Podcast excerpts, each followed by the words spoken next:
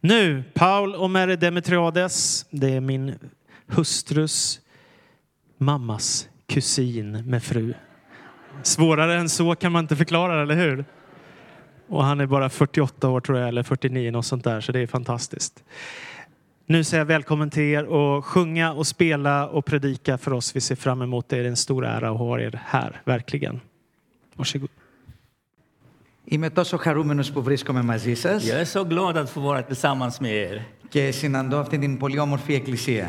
och vara med i den här fina kyrkan. Έχουμε μια πολύ δυνατή σχέση με τον ποιμένα σας και με ε, όλους τους ε, συγγενείς εδώ. Vi har en väldigt stark relation med din- er pastorn och med, med hans familj. Και δεν μπορώ να πω ότι είναι η συγγένεια που μας κάνει αυτή τη σχέση να είναι τόσο δυνατή μόνο. Jag kan inte säga att det är bara släktskap som gör att eh, relationen är så där tät. Γιατί δεν βλεπόμαστε και τόσο συχνά. Eftersom vi inte ses så ofta.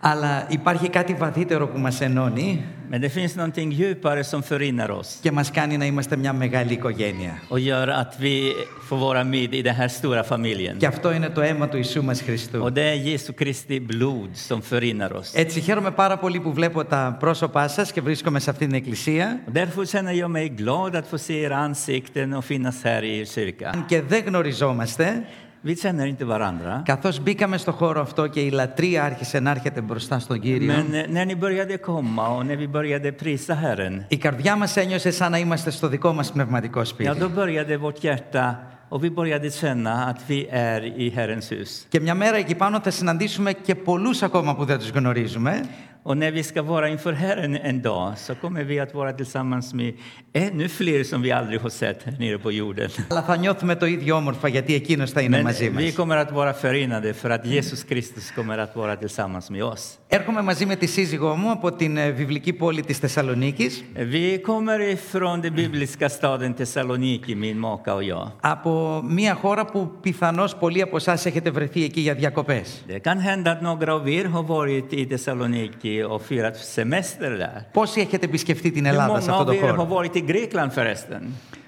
Oj, det är många.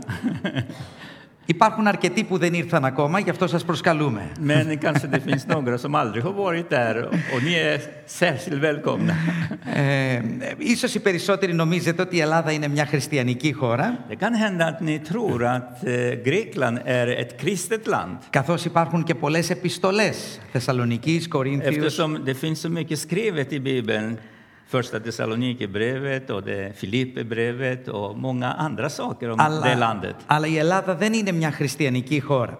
Men Grekland är inte något kristet land. Είναι μια χώρα που πιστεύει, έχει θρησκεία, Eh, Grekland är ett land som har en religion, πιστεύει πάρα πολύ στην Μαρία, tror väldigt mycket på Maria, αλλά Jesu mor, δεν πιστεύει καθόλου στον Ιησού Χριστό. Men eh, tror inte på Jesus Kristus. Έτσι, όταν κάποιος μιλήσει για τον Ιησού Χριστό, είναι ερετικός. Så om någon talar och vittnar om Jesus, då eh, stämplas han som kättare. Και για πάρα πολλά χρόνια, εμείς οι πιστοί στην Ελλάδα, Och därför många gånger vi troende i Grekland προσευχόμασταν ο Θεός να κάνει ένα άνοιγμα, ώστε αυτή η χώρα να έρθει στον Κύριο.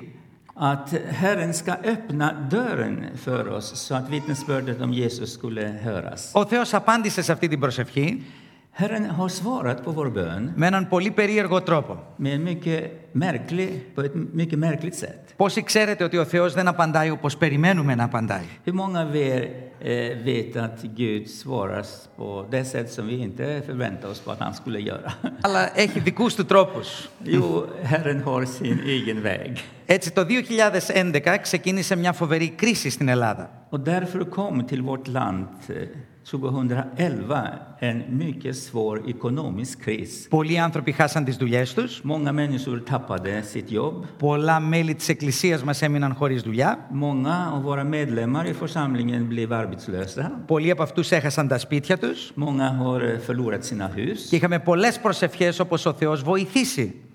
Eh, Vi bad att Herren skulle hjälpa oss. Η πίστη πολλών χριστιανών δοκιμάστηκε Eh, Mångas tro eh, prövades under den här tiden. και ήταν μια δοκιμασία όπου αποδεικνυόταν αν πιστεύαμε πιο πολύ στις ευλογίες του Θεού ή στον ίδιο τον Θεό.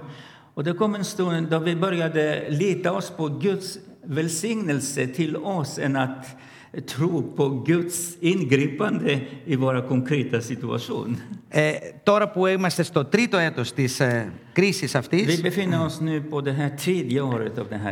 Και η φετινή χρονιά είναι η δυσκολότερη πλέον για την Ελλάδα. Och det här året är det svåraste för landet Grekland. Και καθ, δεν ακούγονται πολλά πράγματα στα νέα πλέον.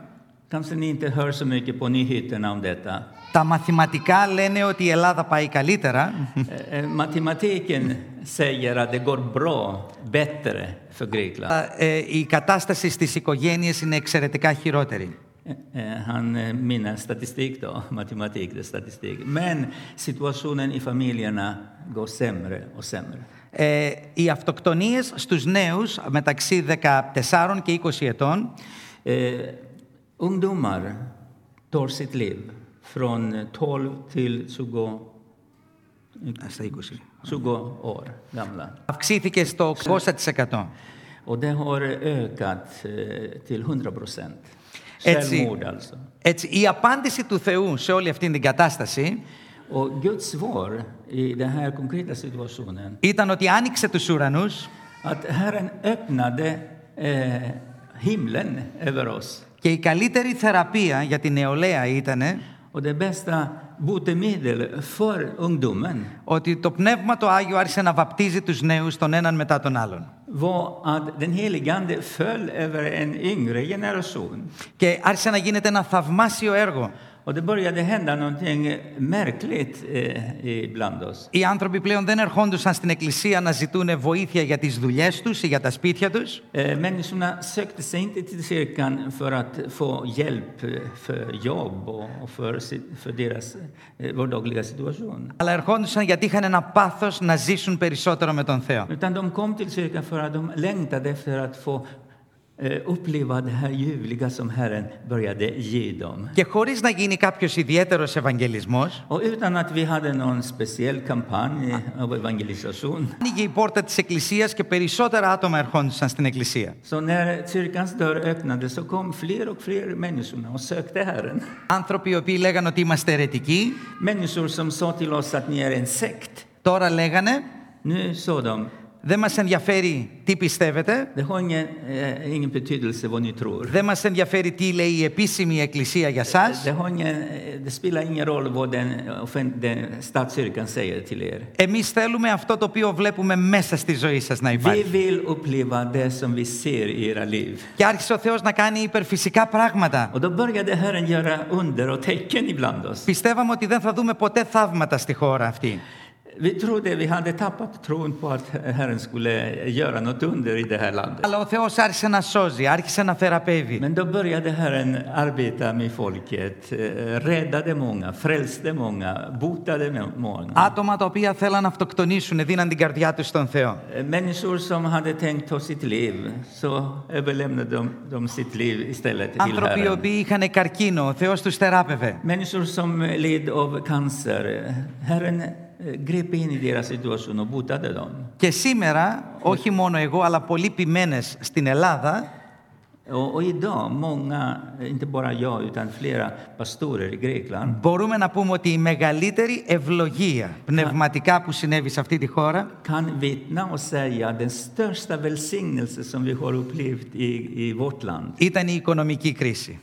var den ekonomiska krisen. Αυτό δεν θα μπορούσαμε να το πούμε ποτέ στο παρελθόν, Vi skulle aldrig kunna säga före krisen att eh, vi behövde en kris. αλλά βλέποντας πώς ο Θεός πήρε το άσχημο και το μετέτρεψε για τη δόξα Του, Men nu ser vi och konstaterar att det, det som var svårt och besvärligt så har Gud vänt om till någonting gott för μπορούμε oss. να πούμε ότι αξίζει να πιστεύεις σε έναν τέτοιο ζωντανό Därför kan Θεό. vi säga att det är underbart och vi vill vara med och tro och följa honom. Θα συμμεριστώ περισσότερα μαζί σας την ώρα που θα έχουμε μετά.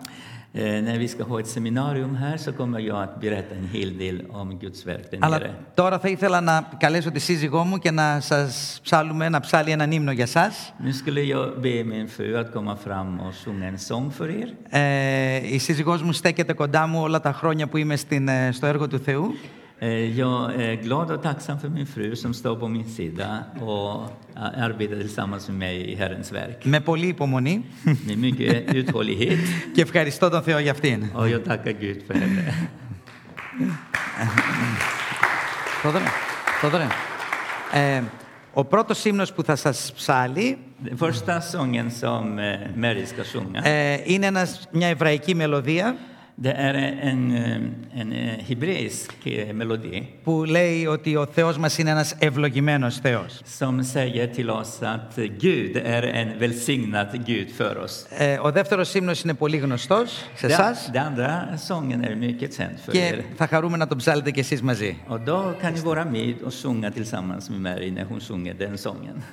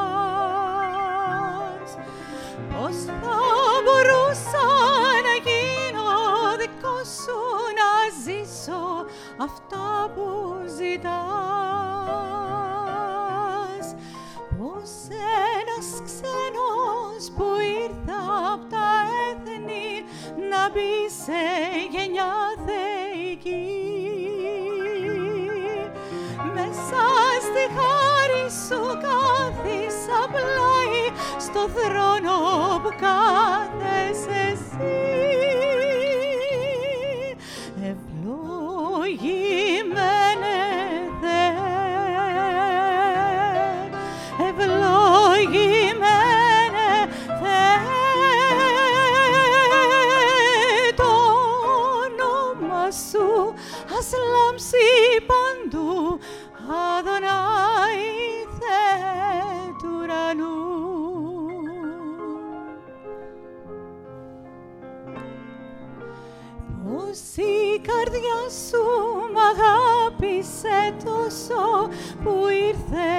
ήρθες για μένα στη γη και με το αίμα σου πλήρωσες όσα χρωστούσα από την αρχή. Το καταπέτασμα έχει σχιστεί πια κι από κρύφα βγήκαν στο φως. Μέσα στη χάρη σου με έχεις λυτρώσει, ναι είμαι δικός σου λαός. Ευλογημένε Θεέ, ευλογημένε Θεέ, το όνομα σου ας λάμψει παντού, Αδωνάη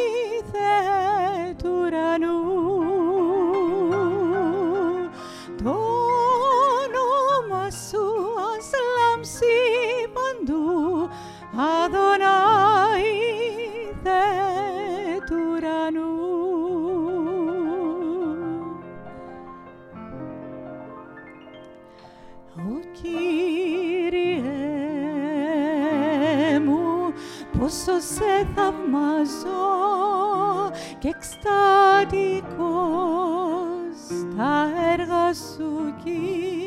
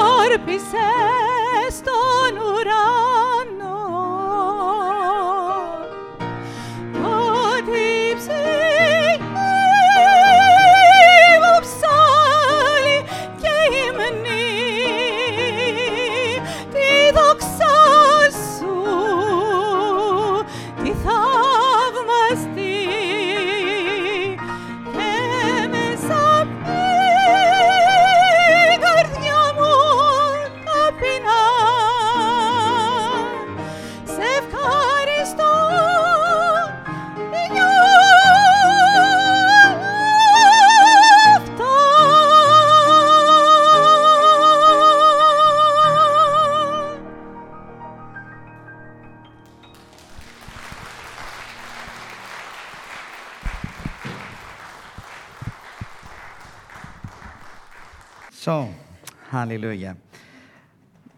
Ας ανοίξουμε το Λόγο του Θεού Vi öppnar den heliga boken. και αυτό το πρωινό θα ήθελα να συμμεριστώ μαζί σας πολύ λίγες σκέψεις Och jag skulle vilja dela med er några tankar som από Herren har έναν givit λόγο ο oss. οποίος έγινε μεγάλη ευλογία στην ζωή μας, στην Ελλάδα Eh, någonting som har blivit till stor välsignelse för oss i Grekland. και καθώς ερχόμασταν στην εκκλησία αυτή ε, το Πνεύμα του Θεού μίλησε στην καρδιά μου να συμμεριστώ το ίδιο εδάφιο μαζί σας. Και θα ήθελα να... Είναι, είναι Swedish. Ja, just det. Du är ju i Sverige. Ja. Eh, Och jag skulle vilja dela de här, eh, det här bibelordet som Herren har lagt på mitt hjärta.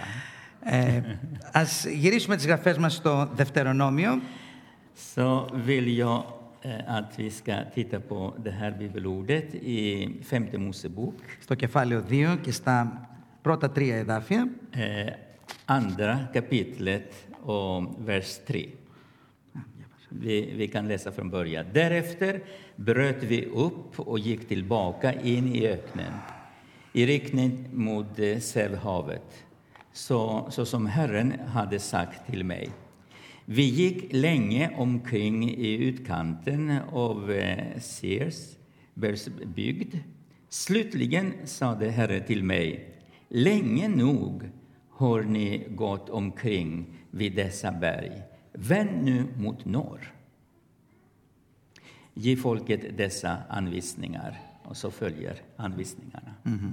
Έτσι, τα, το, τα λόγια που θέλω να κρατήσουμε στην καρδιά μας Eh, Det ord som jag vill att ni ska behålla i ert hjärta, είναι αυτό που λέει ο Κύριος στο λαό του det som Herren säger till sitt folk. αρκεί όσα χρόνια μείνατε παγιδευμένοι σε αυτό το βουνό.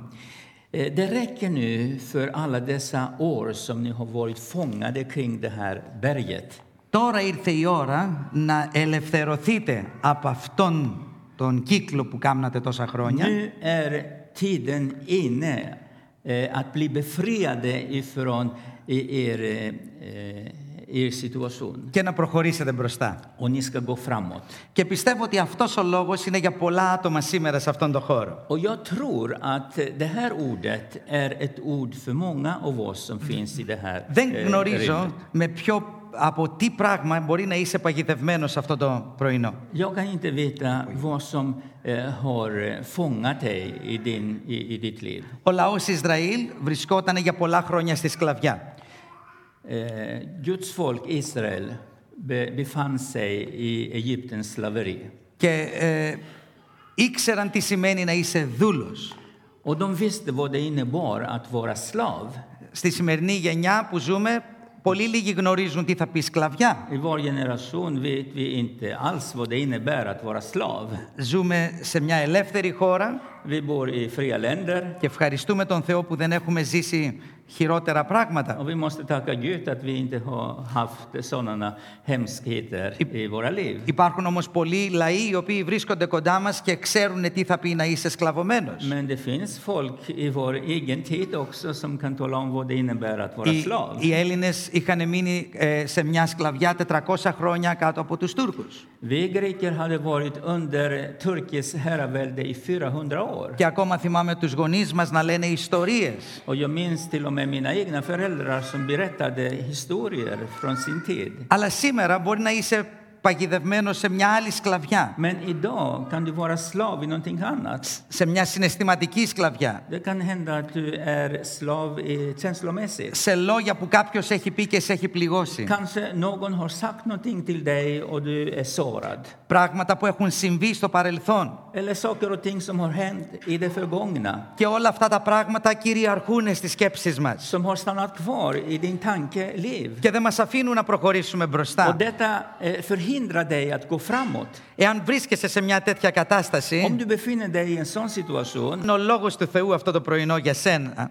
det här ordet är adresserat precis till dig. Ότι ο Θεός σου λέει αρκεί όσο έμεινες παγιδευμένος. Gud vill säga till dig personligen, det räcker nu den tid du har varit fångat i, i, i detta. Ήρθε η ώρα που μπορείς να βγεις και να προχωρήσεις Nu μπροστά. är tiden att eh, gå framåt i ditt liv. Η μεγάλη ερώτηση όμως είναι, Men den stora frågan är, είσαι διατεθειμένος να φύγεις από την παγίδα är du σου. tillgänglig för Herren eller vill du lämna detta? Γιατί ο Θεός έχει κάνει το έργο και το ολοκλήρωσε αυτό που έχει για μας. Eh, Gud har fullbordat verk för dig. Όταν επάνω στο σταυρό φώναξε τετέλεστε, När eh, Jesus sa det är fullbordat på korset βεβαίωνε ότι κάθε τι που έπρεπε να δώσει για μας το έχει δώσει. bekräftade det som han hade tänkt ge oss eh, som människor, det hade han gett. Τώρα η ερώτηση είναι αν θέλω να ελευθερωθώ. Frågan är om jag vill bli befriad. Εάν θέλω πραγματικά το θέλημα του Θεού να γίνει Om μέσα στη jag ζωή μου. verkligen vill att Guds vilja ska ske i mitt liv. Έχουμε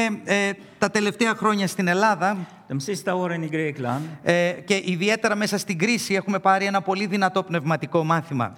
Och speciellt under de här kristider, vi har eh, fått ifrån Herren ett, en, en andlig lektion. Για πολλά χρόνια φέρναμε στον Κύριο τις ανάγκες μας Eh, I många år så kom vi till Herren med våra behov. και ζητούσαμε εκείνος να συμφωνήσει με αυτό το οποίο συνέβαινε σε μας. Och vi bad Herren att han skulle höra våra egna behov och känna precis som vi känner eh, för, för dem. Αλλά αυτή η κρίση μας βοήθησε να δούμε πολλά πράγματα διαφορετικά. Men den här krisen har hjälpt oss att se saker och ting på ett helt annat sätt. Γιατί ο Θεός δεν επιβεβαιώνεται ότι είναι Θεός εάν απαντήσει ή όχι στο θέλημά μου. Eh, Gud är inte Gud om han eller, eh, eh, svarar på min bön- bön eller han inte gör det. Βλέπετε πολλοί άνθρωποι στα χρόνια που ζούσε ο Ιησούς του είπαν αν είσαι Θεός κάνε ένα θαύμα. Ni minns vad människorna sa när Jesus eh, levde eh, ibland dem. Om du är Gud, gör det.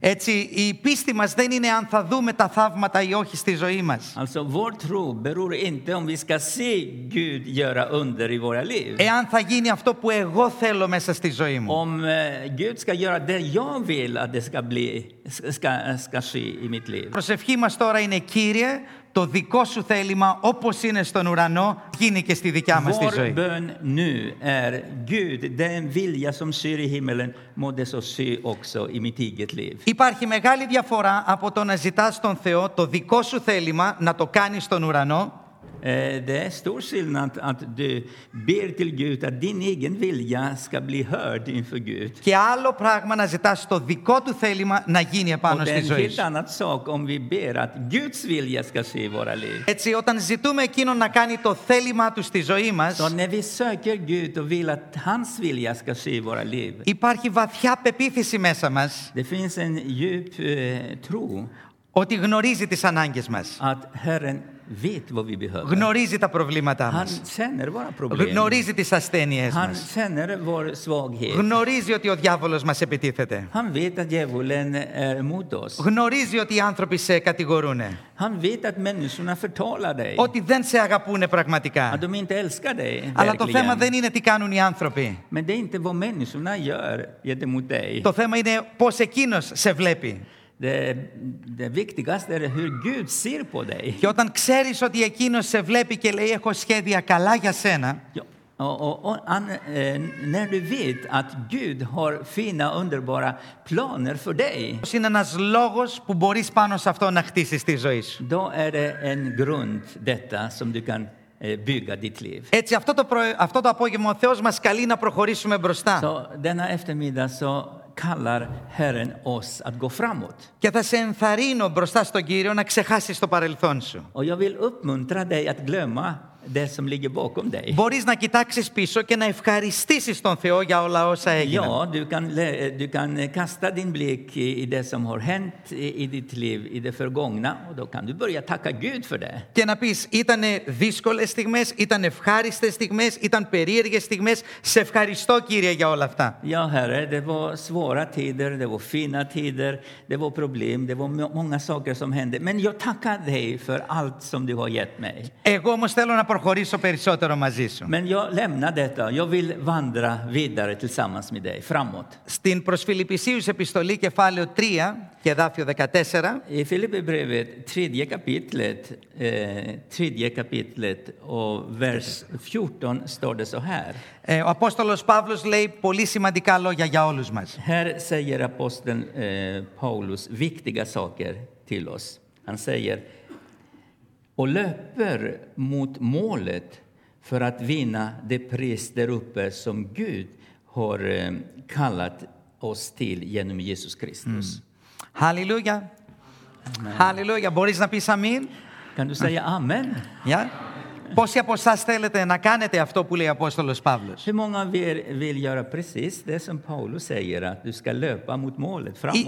Είναι πολύ εύκολο να πούμε ένα αμήν μέσα στην Εκκλησία. Πολύ δύσκολο να εφαρμόσουμε αυτό το αμήν. Υπάρχουν πολλές συνήθειες μέσα στη ζωή μας. Ja, det finns så mycket konstigheter i våra Που, liv που μας τραβάνε προς τα πίσω. som dras hela tiden bakåt. Υ- Υπάρχουν πολλοί άνθρωποι που με τον τρόπο που σε κοιτάζουν σου ξυπνάνε άσχημες αναμνήσεις. Bara dina medmänniskor ibland kastar en blick på dig och då kommer en massa minne. Πρέπει να πάρω μια Framkallar απόφαση. minne. Men du måste fatta ett beslut. Θα ζήσω με το παρελθόν Ska jag leva med det, det som ligger bakom mig? ή θα ζήσω σε αυτό που ο Θεός ετοίμασε μπροστά μου. Eller ska jag leva med det Gud har förberett för mig? Έτσι πρέπει, πρέπει να συζητήσεις με τον εαυτό σου. Så du måste börja samtala med dig själv. Πού θα βρεθείς αύριο. Var ska du befinna dig imorgon? Πώς βλέπεις τα επόμενα πέντε χρόνια της ζωής σου. Hur ser du dina eh, framförliggande fem år i ditt eget liv? Πνευματικά, συναισθηματικά, ψυχολογικά. Eh, andligt, eh, psykiskt, eh, psykologiskt. Πού βλέπεις να βρίσκεσαι δέκα χρόνια μπροστά; Vad kan du tänka dig att du kommer att finna dig tio år framåt i tiden? Πιστεύεις ότι έχεις αρκετές δυνάμεις για να fύγεις από αυτό το βουνό που είσαι κλειδωμένος. Tror du att du har tillräckliga krafter så att du kan befria dig från just den här eh, fångande situation som du befinner dig i? Αν με ρωτήσετε εμένα θα σας απαντήσω ότι σαν άνθρωπος δεν μπορώ. Om du ställde samma fråga till mig så skulle jag säga nej, jag kan inte frigöra mig själv. Και ο Θεός γνωρίζει ότι από μόνοι μας δεν μπορούμε. Ο Γκουτ βίτα. Είμαστε, συναισθηματικοί άνθρωποι. Δεν ξέρω πώς είναι τα ζευγάρια εδώ στην ε, Σουηδία. Jag vet inte hur, ε, Αλλά θα σας δώσω μερικά μυστικά για τα ελληνικά ζευγάρια. Men jag ska tala om för er några hemligheter för de, de grekiska. Πόσοι έχετε δει Έλληνες να μιλάνε δυνατά; Hur många av er har, träff- ni som har varit i Grekland har, eh, trä, har träffat greker som talar högt? Οι περισσότεροι όταν ακούνε τους Έλληνες να μιλάνε δυνατά νομίζουν ότι μαλώνουν. Eh, De flesta som är i Grekland och lyssnar till folket så tror de att de är osams. Δεν ξέρω πόσοι έχετε δει Έλληνες να μαλώνουν πραγματικά. Men jag vet inte om några av er har sett eh, några greker bråka eh, rejält med varandra. Είναι πολύ δύσκολα τα πράγματα. Det är väldigt svårt då. Και ιδίω όταν φωνάζει η γυναίκα.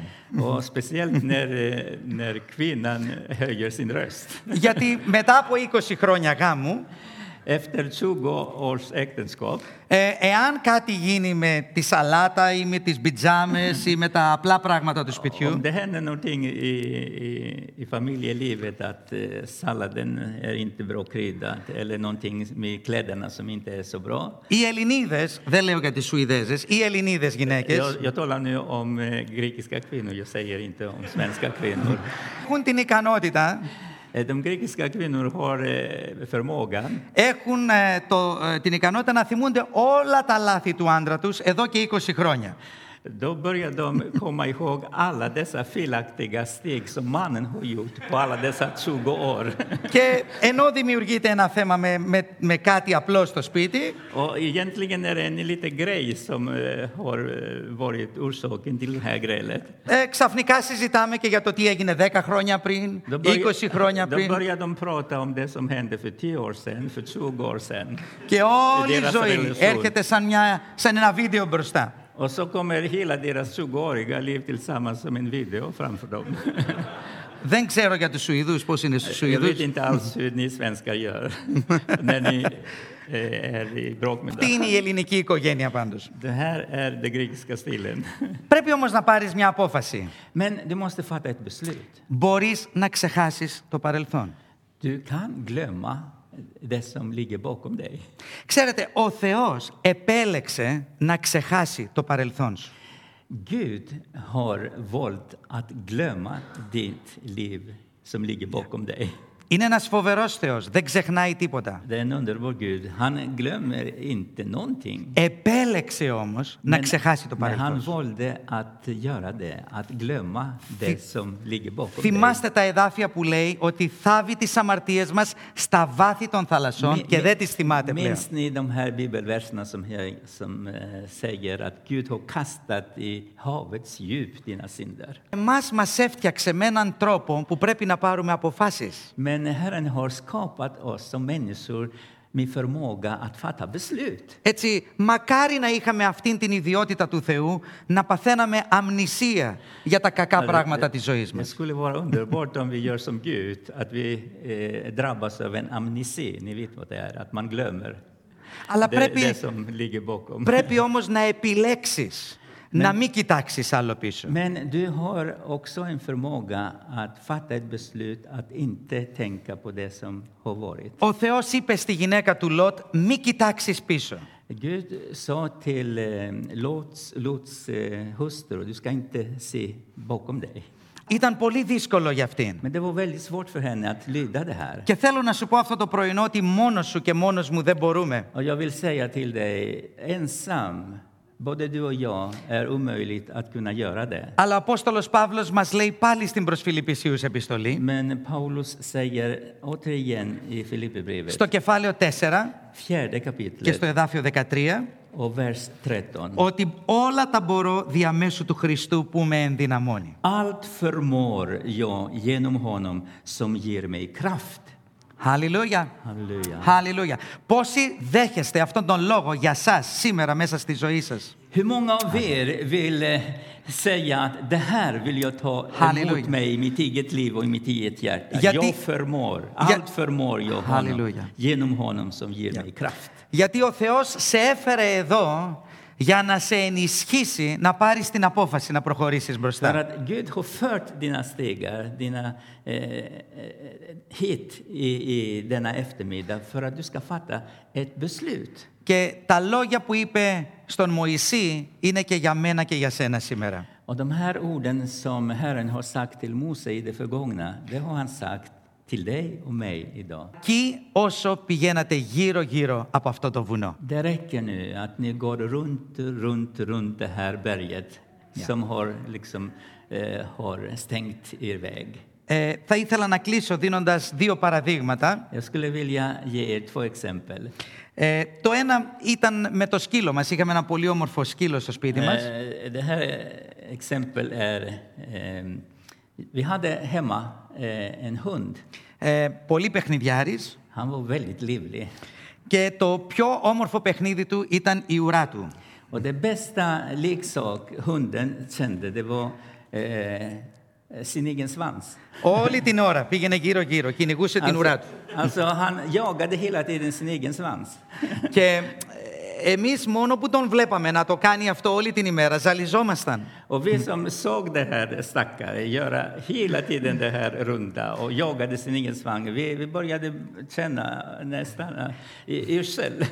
Και πολλές φορές του δίναμε μια μπάλα, ένα άλλο παιχνίδι για να σταματήσει να κυνηγάει. Και ένα λίξο.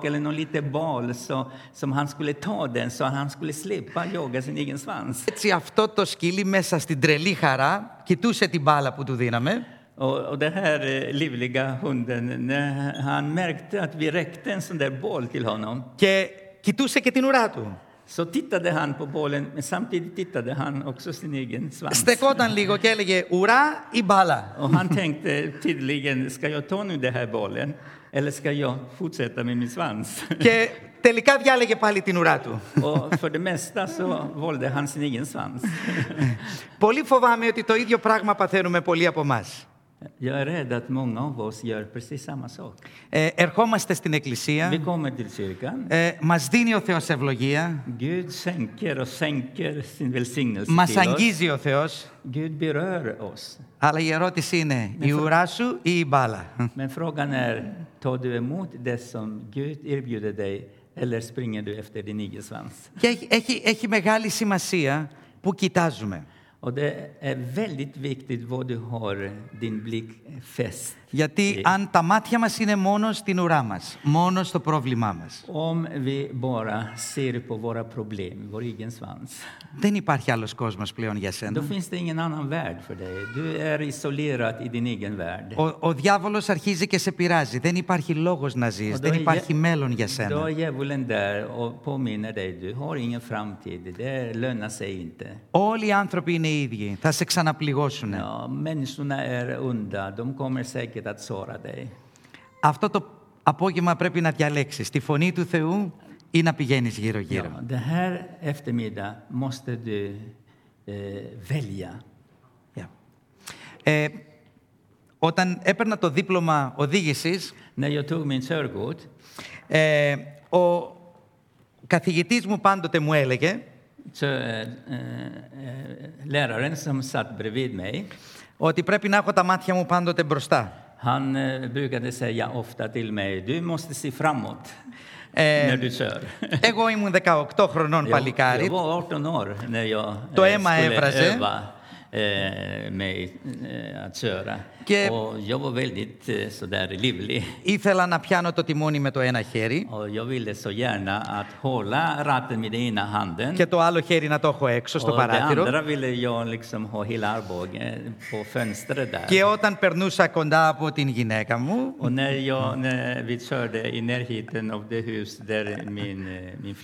Να της δείξω πώς, πόσο ωραία οδηγάω το αυτοκίνητο.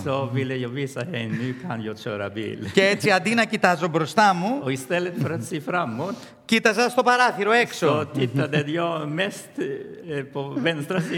και τότε ερχόταν η σφαλιάρα του καθηγητή, ήταν φίλος. Ο λέραρε νο ρίκτε η. Και μου έλεγε κοίταζε μπροστά. Κοίτα. Γιατί το αυτοκίνητο πηγαίνει εκεί που κοιτάζεις.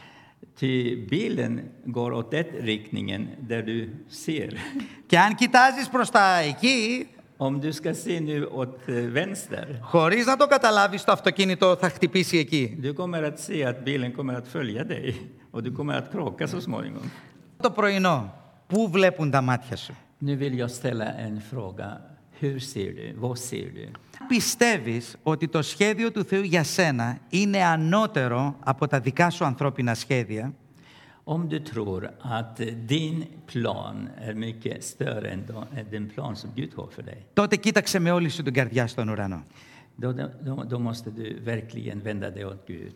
Και γνώρισε την πραγματική ελευθερία του Θεού στη ζωή σου. Και börja lära känna Guds verkliga frihet, Guds frihet i ditt liv. Και τότε θα είσαι πραγματικά ελεύθερος. Då kommer du att bli verkligen fri. Δεν θα είσαι περίπου ελεύθερος. Du ska inte vara ungefär fri. Δεν θα νιώθεις καλά μόνο όταν είσαι μαζί με αδελφούς. Det är inte bara att du ska känna dig bekvämt när du är tillsammans med dina syskon i Αλλά kyrkan. όπου και αν βρεθείς θα ξέρεις ότι είσαι ελεύθερος. Oavsett var du befinner dig, då kommer du att känna dig friheten i Ο, Kristus. ο Δαβίδ είναι αυτός ο οποίος λέει στον 23ο ψαλμό David säger i den 23 salmen. «Και σε κοιλάδα σκιάς θανάτου, εάν περιπατήσω, Och även om jag vandrar i dödsskuggans eh, dal, είναι μαζί μου». så är du med mig. Είναι μαζί μου. Han Χάρη. är med mig. Όχι θα είναι μαζί μου, Inte att han ska vara med mig, λέει είναι μαζί μου. utan han är med mig. Μπορείς αυτό το απόγευμα να πεις είναι μαζί μου ο Θεός. Kan du säga nu inför Herren, han, du är med mig. Χαλιλούια. Amen. Χαλιλούια. Ένα τελευταίο εδάφιο και με αυτό θα σας αφήσω προς τον, ε, στον Ιωάννη κεφάλαιο 8 και στο εδάφιο 36. Στο Evangelium του Ιωάννη, στο, ε, John 8. i Johannes 8 och 38 står det, Λέει εκεί ο Ιησούς Χριστός, så säger Herren, ο Υιός σας ελευθερώσει, om eh, Sonen gör er fri, θα είστε πραγματικά så är ni ελεύθεροι. verkligen fri.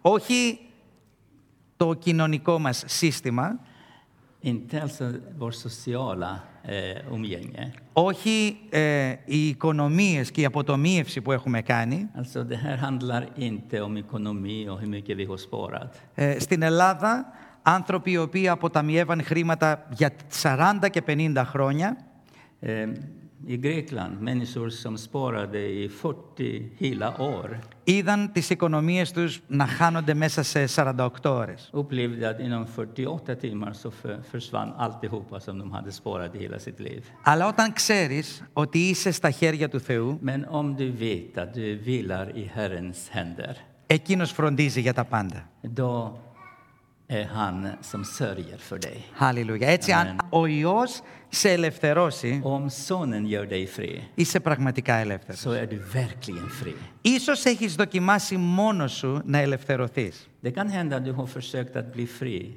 Ja. utifrån dina egna eh, resurser. Και ο Θεός έδωσε πολλά πράγματα στη επιρροή των ανθρώπων.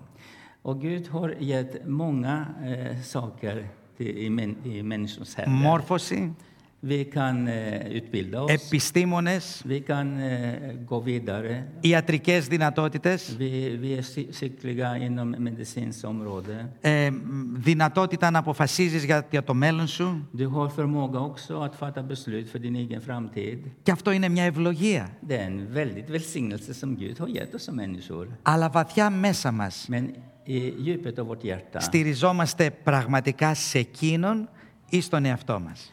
Frågan är om vi förtröstar på vår förmåga och vår skicklighet eller om vi förtröstar på Herren som är vår skapare. Μπορείς να γνωρίσεις χαρά στον κόσμο. Du kan eh, bli glad i, i världen. Με ρωτάνε πολλές φορές οι νέοι, υπάρχει χαρά στην αμαρτία. Eh, ungdomar frågar mig, finns det glädje i synden? Και δεν θέλω να απαντήσω σαν ένας πεντηκοστιανός χριστιανός με παροπίδες. Jag vill inte säga som en typisk pingspastor utan att veta någonting annat än det som jag tror att det är det Και λέω βεβαίως υπάρχει χαρά. Αλλά πόσο κρατάει; Πόσο κρατάει αυτή τη χαρά; Συνήθως κρατάει όσο τα χρήματά σου. Ja, kanske så länge du har pengar. Όταν τελειώσουν τα χρήματά Men σου, när pengarna tar slut, τελειώνουν οι φίλοι σου, då slutar också dina Τελειώνουν οι- vänner att umgås med dig. τελειώνουν οι παρέες σου, Eh, Dina kompisar καταστρέφον, försvinner. καταστρέφονται όλα. Allt blir en katastrof. Η χαρά όμως που εκείνος δίνει Men den glädje som Gud ger, δεν έχει να κάνει με τα χρήματα, det har ingenting med pengar att göra. δεν έχει να κάνει με τους ανθρώπους, Det har ingenting att göra med människor. έχει να κάνει με το αιώνιο, με την ανε- αιώνια αγάπη του. Δεν φοράτε γιαραμή γιατί δούμπλιγας έλλεικε την ζωή. Και αυτό το απόγευμα ο Θεός σου δίνει αυτή την ευκαιρία. Ο ΣΟ ΚΟΜΜΕΡ ΧΑΡΕΝ μια τιμήδη δεν δεχθήκει νωρίς τιμήδη. Εάν πραγματικά εμπιστεύεσαι τον Θεό στη ζωή σου και θέλεις να βγεις από την παγίδα που είσαι. τόσα χρόνια, och du vill komma ifrån din isolerande situation i livet. σήμερα είναι η- μια μέρα καλή για να βγεις από αυτό. Ikväll är ett tillfälle att fatta ditt beslut och komma ifrån din, eh, din fängelse. Ο Θεός να σας ευλογεί. Gud välsigna dig.